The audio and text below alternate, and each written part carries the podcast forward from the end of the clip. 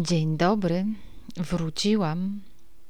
Wróciłam z tej pięknej wyspy po pięciu tygodniach workation, czyli takiego łączenia pracy z wakacjami y, na Teneryfie. W sumie chyba bardziej było to work niż vacation, bo pracowałam normalnie, to znaczy 5 dni w tygodniu, e, po 8 godzin dziennie, e, czy nawet trochę więcej czasami a vacation to było w weekendy. I dzisiaj chciałam Wam powiedzieć, dlaczego w ogóle Teneryfa, dlaczego tam pojechałam, ile wydałam przez te 35 dni, co mi się podobało, co nie, y, co mnie zaskoczyło i jaki kryzys miałam po drodze. I o tym dzisiaj będzie. I zaczynając od tego, skąd Teneryfa, to gdzieś tak z rok temu zobaczyłam u mojej znajomej na Instagramie, e, tutaj serdecznie Cię Sylwia pozdrawiam, zdjęcie. Zobaczyłam, że e, ona się po prostu spakowała w jedną walizkę i przeniosła swoje życie w jakieś piękne miejsce z takim widokiem, że ma biurko, na biurku laptopa i za laptopem błękitny ocean. I najpierw zaczęłam zazdrościć i zastanawiać się, dlaczego to nie jest moje biurko i mój widok z okna. A potem tak mnie trochę oświeciło, że nie pracuję już w redakcji, nie muszę jeździć na dyżury i w sumie dlaczego miałabym nie pojechać na taki wyjazd. Ale wtedy jeszcze pracowałam dla firmy, która no niezbyt się zapatrywała pozytywnie na bycie daleko przez dłuższy czas. Raczej trzeba było przychodzić do biura. Mm, no ale wkrótce potem pragnienie takiego przeżycia wzięło górę i zmieniłam pracę na taką, która pozwalała pracować całkiem zdalnie, czyli pracować właściwie z dowolnego miejsca na świecie. E, no, może nie do końca z dowolnego, z takiego, gdzie strefa czasowa pozwala na jakąś komunikację. No i potem napisałam do mojej przyjaciółki Martyny, czy pojedzie ze mną na miesiąc na Teneryfę. I skąd mi się wzięła Teneryfa? Szczerze to nie wiem. Jakoś nigdy mnie nie ciągnęło specjalnie na Wyspy Kanaryjskie. Byłam tam wcześniej raz w 2014 roku na Lanzarote i wydawało mi się, że jeżdżą tam głównie starzy Anglicy i Niemcy i że to jest ogólnie taki bardzo emerycki kierunek. Ale jak wiadomo, ja jestem bardzo podatna na różne mody, sugestie i takie rzeczy, że gdzieś zobaczę i mnie to zainspiruje. Y, wobec czego właśnie jak zobaczyłam, y, że ciągle ktoś na te Kanary lata, y, że na przykład zespół jakiejś firmy jedzie na dwa tygodnie, wynajmuje całą willę i pracuje, albo że mój serdeczny znajomy Bartek, znów pozdrawiam, tym razem Bartka, pojechał na Fuerteventurę na trzy tygodnie i został trzy miesiące i zakochał się w tej wyspie, no to pomyślałam, że coś tam jednak musi być y, na tych wyspach, że jest to jednak popularny kierunek wśród y, tak zwanych digital nomads i osób pracujących zdalnie. I wprawdzie jakby pierwszy pomysł z wyjazdem mi nie wyszedł, bo miałam lecieć w listopadzie, ale no z różnych względów, także finansowych, nie było to możliwe. Ale potem w lutym pojechałam po prostu na urlop na Fuerte mm, na tydzień i stwierdziłam, że to ciepło, to słońce, no działa na mnie tak dobrze, że chciałabym spróbować na trochę dłużej. I że mm, właśnie ten marzec będzie dobrym terminem, bo w Polsce jest jeszcze szaro i raczej zimno, a tam już jest wiosna. Mm, natomiast no, Fuerteventura jakoś tak nie skradła mojego serca, więc pomyślałam, że może właśnie inna wyspa. No po drodze oczywiście wydarzyła się również rosyjska inwazja na Ukrainę i opowiadałam wam w poprzednim odcinku, że nie miałam jako takiego dylematu, czy jechać, czy nie, bo miałam to już dawno zaplanowane i było to moje wielkie marzenie. No ale troszkę był ten kontekst jednak utrudniony, taki trochę na zasadzie jednak większej ucieczki od rzeczywistości. No i wiecie co? Chyba to jest to. Chyba to jest to miejsce, Teneryfa, gdzie mogłabym zostać na dłużej, gdzie mogłabym e, nawet mieszkać. I e, tu zaspoileruję, że podobało mi się na maksa, naprawdę, tak 20 na 10 i powiem wam zaraz dlaczego, ale też powiem wam, co mi się nie podobało i co nie było fajne i e, również o kryzysie, który, który miałam. Po pierwsze, słuchajcie, to co mnie urzekło, to jest krajobraz. Teneryfa jest niezwykle zróżnicowana. Jest tam chyba pięć stref klimatycznych, od bananów po śniegi. Jest bardzo zielono i bardzo górsko, a ja wiecie, że kocham góry. I na Teneryfie można mieć to, co zawsze chciałam, czyli dwa w jednym: góry i ocean. I jednego dnia iść na hiking, a drugiego leżeć na plaży. Albo nawet jak się uprzeć, to tego samego dnia.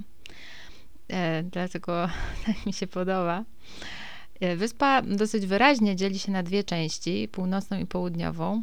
I mm, również przebiega tędy granica właśnie klimatyczna. Są jakby zupełnie dwa różne krajobrazy. Północ jest zielona, wybrzeże jest skaliste i takie poszarpane. Jest to zdecydowanie chłodniej e, niż na południu. Ta pogoda jest bardziej taka ja wiem, no, jak nad morzem naszym polskim może, albo w górach właściwie. No jest też troszkę bardziej lokalnie, to znaczy nie ma tam specjalnie dużo kurortów, e, raczej takie właśnie mniejsze miasta, miasteczka. Mm, I właśnie ta pogoda bardzo często się zmienia. Bardzo też wieje, od czasu do czasu pada i generalnie trzeba, słuchajcie, mieć w plecaku krem z filtrem, e, kostium kąpielowy, ale też puchówkę i jakiś sztormiak albo e, wiatrówkę. E, południe jest dużo bardziej słoneczne, z bardziej przewidywalną pogodą i co za tym idzie, tam jest większość hoteli, kurortów i takich centrów turystycznych. No i też jakby jest trochę inne życie. No tak naprawdę co kto lubi. Ja mieszkałam w północnej części przez cały powód i mi się ta północ bardzo podobała. E, głównie ze względu na ten krajobraz, bo południe jest też bardziej suche, trochę bardziej pustynne i trochę bardziej właśnie ten krajobraz, no jak dla mnie wygrywa, wygrywa tutaj w tej kategorii wygrywa północ. Mm. Ale najbardziej zjawiskowe na Teneryfie jest to, że środek wyspy zajmuje wulkan Teide, który ma dokładnie 3715 metrów i z poziomu morza można do podnóża tej góry na wysokość ponad 2000 e, metrów wjechać w ogóle samochodem. Po drodze zmieniając piętra roślinności i jadąc najpierw właśnie przez te banany, potem przez takie, wiecie, sady owocowe, teraz kwitnące, potem świerki, las świerkowy i na 2000 osiągając taki księżycowy krajobraz skał i jeszcze ośnieżony wierzchołek Teide. Więc jest to zjawiskowe miejsce. Rozsiadła się ta góra, jak taka, wiecie, księżniczka w balowej sukni na kole i siedzi. No i jak się jeździ po Teneryfie, to ma się cały właśnie przekrój tych krajobrazów, bo są i urwiska skalne, i wąwozy, i klify, i dolinki otoczone zielonymi wzgórzami, i plaże. No bajka, naprawdę bajka. I jest chyba kilkaset szlaków e, górskich, takich od spacerów, po wspinaczkę. Można chodzić wśród skał, można w zielonych górach Anaga, można mm, na wybrzeżu robić różne trasy spacerowe. Dużo jest takich miejsc dzikich, gdzie można nikogo nie spotkać przez pół dnia. I to wszystko oblewa ocean, w którym, uwaga, można się kąpać już w marcu e, w niektórych miejscach, chociaż, chociaż woda trochę bardziej jak w naszym Bałtyku. E, I do tego na Teneryfie jest też bardzo ciekawa rzecz, takie naturalne baseny na wybrzeżu. To znaczy, że po prostu jest taka ob obmurowana część, taka cembrowina zrobiona i woda morska, te fale się po prostu tam wlewają, ale jakby ta cembrowina, to, to obmurowanie sprawia, że no można się kąpać bez fal, bo tak to fale sprawiają, że często jest czerwona flaga i w ogóle fale na Teneryfie to jest taka trochę osobna historia, e, bo można spędzić naprawdę pół dnia siedząc gdzieś na murku albo w barze i po prostu patrząc się na te fale, jak w kinie. Zresztą e, ja nie surfuję i raczej się na to nie odważę, ale jest Teneryfa również takim super miejscem e, do uprawiania surfingu i wiele osób właśnie na surfing tutaj przyjeżdża. No i ta przyroda i krajobraz sprawiają, że w ciągu e, kilkudziesięciu minut można bardzo zmienić otoczenie.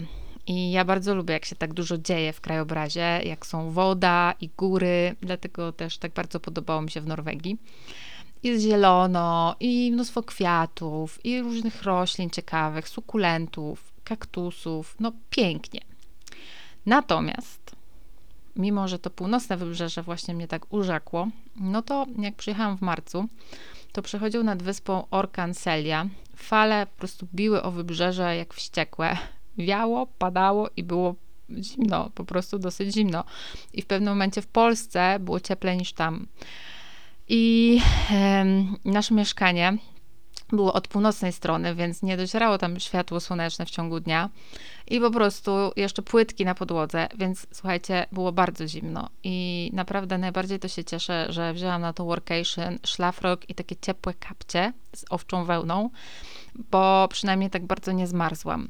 Więc polecam. Polecam wziąć ciepłe ciuchy, bo y, pogoda nie jest taka że wiecie, ciepełko i, yy, i słoneczko, tylko bardziej jak, no nie wiem, maj na Półwyspie Helskim. No i ta cała mm, rzeźba terenu, ten krajobraz sprawia, że jakby ważne jest to, czym się poruszacie po wyspie, bo generalnie są autobusy, które ogólnie dojeżdżają prawie wszędzie. No ale minus jest taki, że wiadomo, że jeżdżą dosyć wolno, jak te autobusy, więc trzeba mieć czas bo często jadąc z jednej mniejszej miejscowości do innej mniejszej miejscowości, trzeba się przesiąść gdzieś po drodze. Wynajem auta natomiast jest trochę problematyczny, bo o ile jakby mm, ceny, no to są powiedzmy tak jak wszędzie, za chwilę Wam powiem, ile myśmy płacili, no to jakby chętnych jest więcej niż samochodów i często trzeba z bardzo dużym wyprzedzeniem rezerwować e, te samochody i najlepiej no co najmniej na tydzień. E, więc jeśli się pracuje w tygodniu i ma się auto, no to hmm, trzeba się zastanowić, czy to się tak naprawdę opłaca. Um, więc, e, więc jeśli mieszkać na wsi, tak jak my na przykład mieszkałyśmy przez większość czasu, to bez samochodu no, nie jest to poruszanie się takie łatwe. My wprawdzie głównie właśnie poruszałyśmy się autobusami. Raz nas podwiozła policja lokalna, jak nam się nie chciało czekać na autobus. E, dużo też chodziłyśmy, ale to też nie jest specjalnie popularne.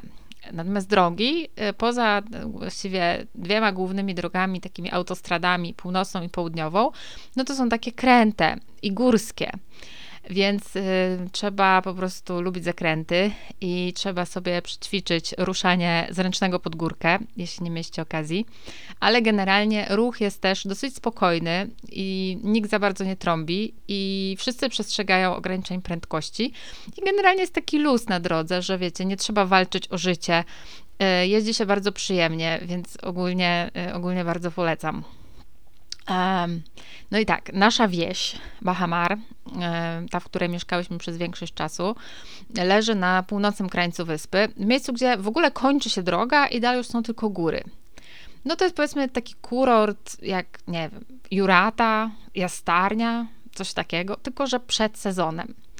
No i na, muszę przyznać, że na początku trochę byłam rozczarowana Chyba to jest dobre słowo. Rozczarowana Bahamarem, bo jednak, no co tu dużo mówić, słuchajcie, zadupie.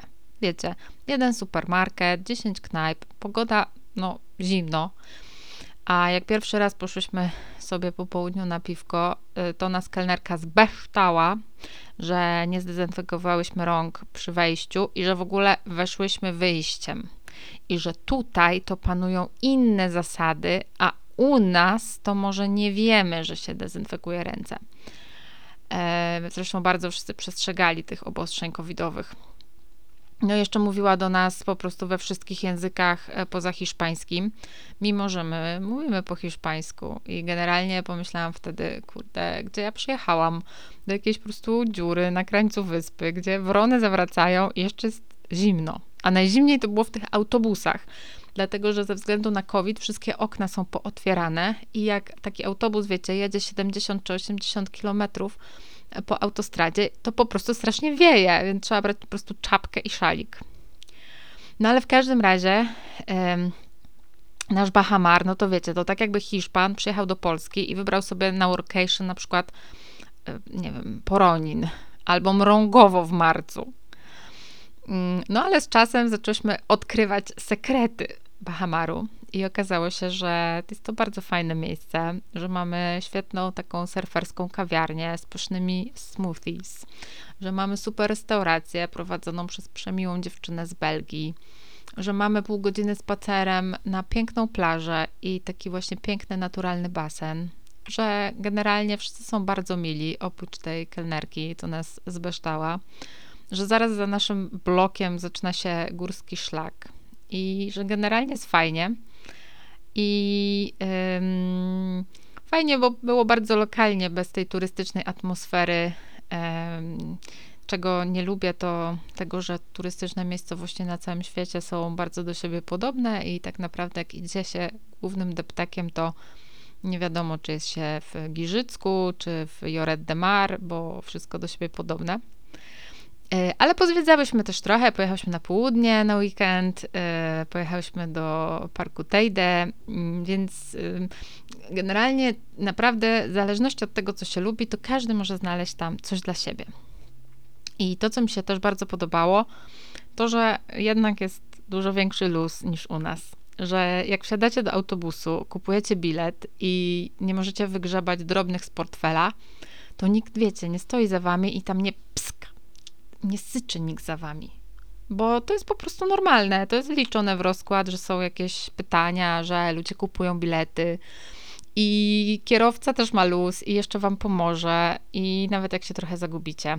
I tak samo jak idziecie do knajpki, to też was y, zwykle kelner wita uśmiechem i zagadnie. I jakoś tak czuję się, że chyba nie masz takiej spiny. Jest zdecydowanie więcej serdeczności między ludźmi, więcej uśmiechu w autobusie, na poczcie, w kolejce. I to jest coś, czego mi w Polsce brakuje czasami, że jednak mam wrażenie, że jesteśmy dużo bardziej tacy zestresowani.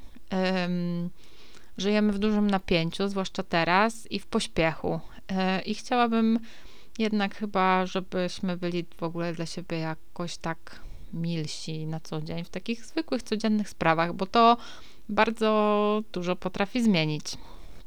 No i podoba mi się też to w ogóle w Hiszpanii, że zawsze o każdej porze można coś zjeść i się napić kawki i nawet cappuccino można sobie zamówić po południu i nikt się nie krzywi jak Włosi, że Boże, ci turyści nie wiedzą, że cappuccino tylko przed południem się pije. Y, no, żartuję oczywiście, ale moje odczucie jest takie, że mm, naprawdę jest się tak traktowanym życzliwie, wszędzie jest taka wola pomocy y, i odpowiedzi na mm, wasze potrzeby i to jest bardzo fajne. Oczywiście, no nie wiem, Hiszpania nie składa się z samych fajnych osób i miłych kelnerów, nigdzie chyba tak nie ma. Na przykład nasz gospodarz mieszkania nie należał do zbyt y, życzliwych i sympatycznych osób ale pominę już ten wątek, bo trochę nam krwi napsuł. Więc, więc to przemilczę. Raczej pozostanę przy tych ogólnych wrażeniach i oczywiście zaznaczam, że to są tylko wrażenia osoby, która była tam przez kilka tygodni e, i raczej no, z perspektywy też turystki, a nie kogoś, kto tam mieszka i zna wszystkie zwyczaje i um, jest już obeznany um, po prostu z, z, z każdym jakby typem zachowania, więc raczej są to tylko takie dosyć powierzchowne obserwacje, y, co chcę podkreślić, chyba to jest dobry moment. Więc powiem o moich top trzech doświadczeniach takich turystycznych. Miejscach na Teneryfie, y, jakby w ogóle, co mi się podobało najbardziej. No, na, miejscu, na miejscu trzecim jest plaża y, Las Teresitas, która znajduje się niedaleko stolicy wyspy Santa Cruz. Jest to plaża, która mm, wydaje się, że gdzieś, no wiecie, w porównaniu z jakimiś plażami, nie wiem, na Zanzibarze, jak się ogląda zdjęcia, e, czy, czy nawet e, w naszym polskim e, wybrzeżu, w porównaniu z naszym polskim wybrzeżem, że nie jest jakaś, mm, no nie wiem, nie wiadomo jaka, ale mm, ma właśnie to, co lubię, czyli jest morze, ocean i góry i y, kilkanaście takich małych knajpek na samym piasku, bardzo takich, wiecie, luźnych. W każdej jest to samo. Y, I świetne miejsce po prostu y, dla mieszkańców stolicy Teneryfy, którzy autobusem mogą sobie w 15 minut właśnie na tę piękną plażę dojechać. Bardzo polecam. Gdybyście byli na Teneryfie, to koniecznie sobie Las Teresitas odwiedźcie. Na drugim miejscu umieszczę wizytę na takiej ekofarmie Batoro, która jest tworzona przez społeczność osób, które żyją z tego, co urodzi ziemia. i jedzą też kwiaty.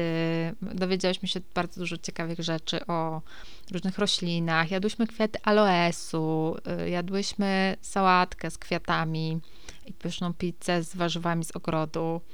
E, super miejsce i takich miejsc na Teneryfie jest więcej, takich właśnie eco farm, eco komun.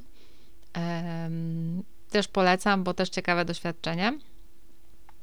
Mm, no i na pierwszym miejscu y, jest, słuchajcie, wycieczka do Parku Narodowego Teide.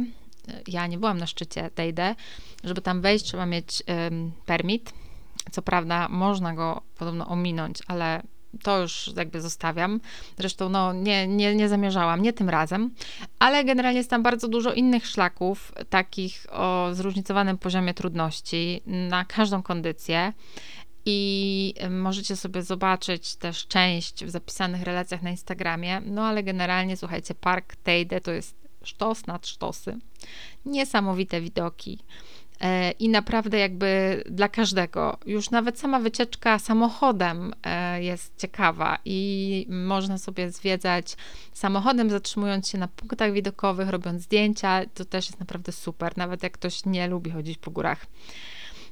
No i tak w sumie to w ogóle miałyśmy mnóstwo świetnych doświadczeń, bo piłyśmy pyszną pinia coladę w takim reggae barze, byłyśmy na lekcji salsy, biegałam wzdłuż oceanu, pracowałyśmy sobie na balkonie z widokiem na góry i na ocean i pojechałyśmy sobie na weekend e, do fajnego hotelu z basenem. Jedyne, czego żałuję, to, że nie wzięłam górskich butów, Um, I dlatego też nie poszłam na żaden jakiś tam trudniejszy szlak. E, I że nie wzięłam jednak e, kilku dni urlopu, żeby sobie trochę pozwiedzać. No ale mam nadzieję, że też e, wrócę jeszcze kiedyś na Teneryfę. No i słuchajcie, teraz pytanie, ile to wszystko kosztowało? Bo podliczyłam wszystkie wydatki. No i wyszło mi, że 5 tygodni na Teneryfie kosztowało mnie dokładnie 2033 euro. Nie liczę tutaj biletów lotniczych, za które zapłaciłam jakieś 1400 zł dwie strony z dużym bagażem. I rozbiję Wam teraz trochę te kwoty, żebyście mieli jakieś tutaj też pojęcie o tych kosztach. No więc mieszkanie, dosyć duże mieszkanie, około 75 metrów, z dwoma sypialniami, dwiema łazienkami i dużym salonem z kuchnią, basenem, siłownią w budynku i miejscem parkingowym kosztowało mnie 600 euro. Ale od razu zaznaczę, że można taniej. E, Im dłużej i im mniej oficjalnie, tym można taniej, albo Yy, to znaczy, jeśli się dogadacie z kimś po prostu, yy, to można sporo taniej wynająć, albo jeśli zostajecie na dłużej. Plus jeszcze tutaj, no, pojechaliśmy na weekend do hotelu, więc tutaj no to hotel gdzieś tak typowa cena to jest 70 euro za noc za dwuosobowy pokój. I generalnie tutaj mm, taka cena mm, właśnie między 20 a 30 euro za noc to jest mm, taka, no powiedzmy, bardzo spoko. Więc e, jeśli ktoś wynajmuje e, sobie właśnie, nie wiem, mieszkanie i płaci 30 euro jakby za jeden dzień, no to to jest taka zwyczajowa cena. Wynajem auta to jest e, również 30 euro za dzień. My w tej cenie dostaliśmy bardzo brudnego Fiata Pandę, a potem jeszcze brudniejszego Hyundai Getz, czyli to są takie małe samochody. No i znów przy dłuższym wynajmie byłaby zniżka. No, nas ten samochód kosztował tak łącznie na 8 dni 240 euro. I uważam, że generalnie jest to sporo, nawet jeśli rozłoży się to na dwie lub trzy osoby. No, jest to jakby konkretna kasa, zwłaszcza, że trzeba jeszcze oczywiście doliczyć benzynę. Są też takie mm, komuny na Teneryfie, gdzie można mm, dzielić się kosztami samochodu z większą liczbą osób i po prostu sobie tam się umawiać, kto kiedy bierze. No ale znów, jakby załatwiając to wszystko z Polski, to trochę brzmi, wygląda inaczej. Jak już się jest na miejscu, to wygląda inaczej, więc wiecie, są trochę takie mm, rzeczy, na które osoba, która jest pierwszy raz, y, no jakby Zwykle jest tak, że płaci po prostu więcej, bo też nie ma rozeznania. Mm, No i tak zwane życie nie różni się aż tak bardzo cenowo od tego, ile się płaci w Warszawie czy w dużym polskim mieście, bo e, taki porządny obiad można zjeść za 7-10 euro. Mm, no ale oczywiście też byłyśmy na workation, czyli ta część vacation zakładała, że jednak jemy więcej w tych knajpach, chodzimy sobie na kawki, jakieś drinki i tak dalej. I no, na co dzień na pewno nie chodzę tyle po mieście, co tam. Mm, natomiast tak jak się zorientowałam, no to mieszkanie, takie naprawdę spoko mieszkanie można za powiedzmy 800 euro wynająć na dwie osoby, ale właśnie trzeba poszukać wcześniej i najlepiej nie przez Airbnb, e, więc tu na pewno można na tym zbić koszty. E, ja miałam jeszcze, oczywiście musiałam doliczyć koszty takie w Polsce, które musiałam zapłacić za ten miesiąc, czyli rachunki i y, ZUS, ale generalnie mm, tak sobie patrząc na te wszystkie wydatki i wyliczenia, to myślę, że za takie 1400 euro można jakby żyć sobie naprawdę fajnie tam, płacąc za mieszkanie, transport, y, jedzenie, takie przyjemności. No, transport zakładając, że jakby mamy już swój samochód, bo wynajem znacznie te koszty podbija. No i co? Dużo czy mało? 2000 euro za 5 tygodni, gdzie powiedzmy mieszkanie to było jakieś 800 euro, licząc tak, za 5 tygodni 600 euro miesięcznie, e, plus transport, plus życie no mi się wydaje, że to wcale nie jest mało, że to bym powiedziała mm, dosyć sporo, zważywszy na to, że w 2015 roku trzymiesięczna podróż po Azji kosztowała mnie 16 tysięcy złotych, już wliczając w to loty. E, ale z drugiej strony Azja jest tania. E, a taki tygodniowy urlop, no nie wiem, Europie, gdzieś na Sycylii, na Fuerteventurze, czy gdzieś, no to jest wydatek gdzieś 3-4 tysięcy złotych za tydzień. Więc pytacie, czy mi się to opłacało? No, powiem tak, mogłam sobie akurat pozwolić też na taki miesiąc.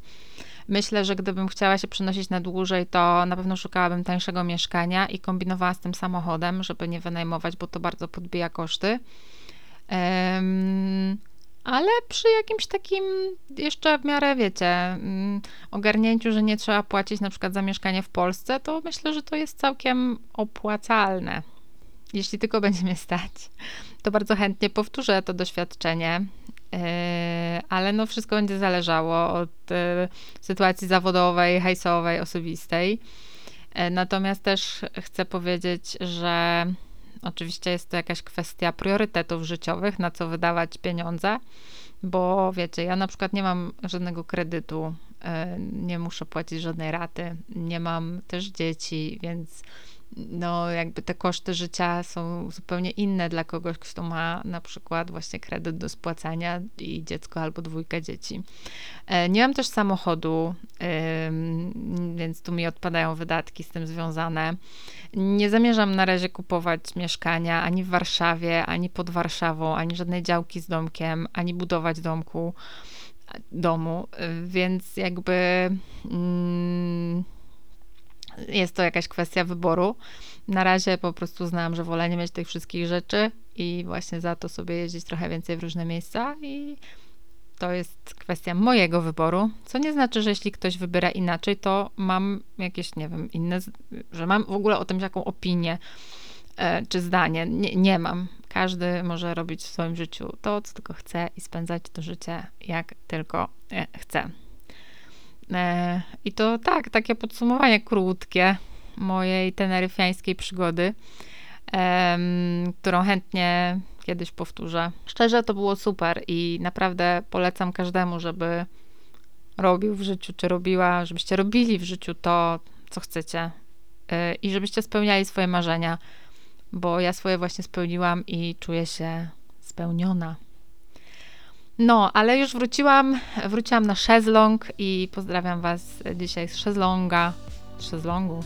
Bardzo ciepło i dajcie znać, e, co myślicie o tych kosztach i czy wybralibyście się też na takie workation i dokąd. I do usłyszenia.